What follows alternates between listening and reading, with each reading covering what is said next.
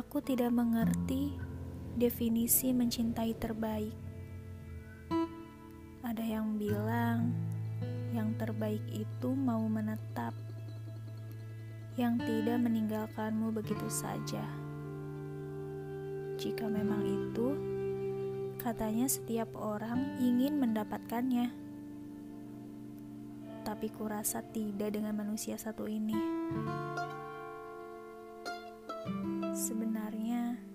Cukup bagi setiap orang memang berbeda. Tapi tidakkah kita belajar untuk mensyukuri dan juga menghargai?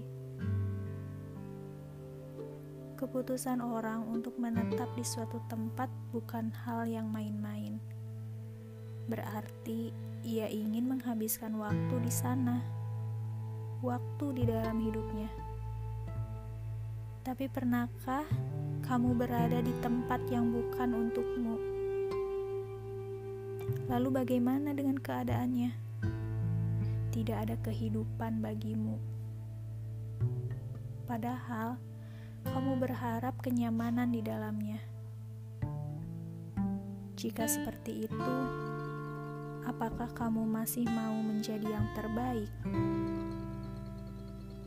Tidak Aku tidak lelah, lebih tepatnya belum ingin berhenti. Namun tidak naif juga, setiap malam aku berpikir keras untuk mencari jalan.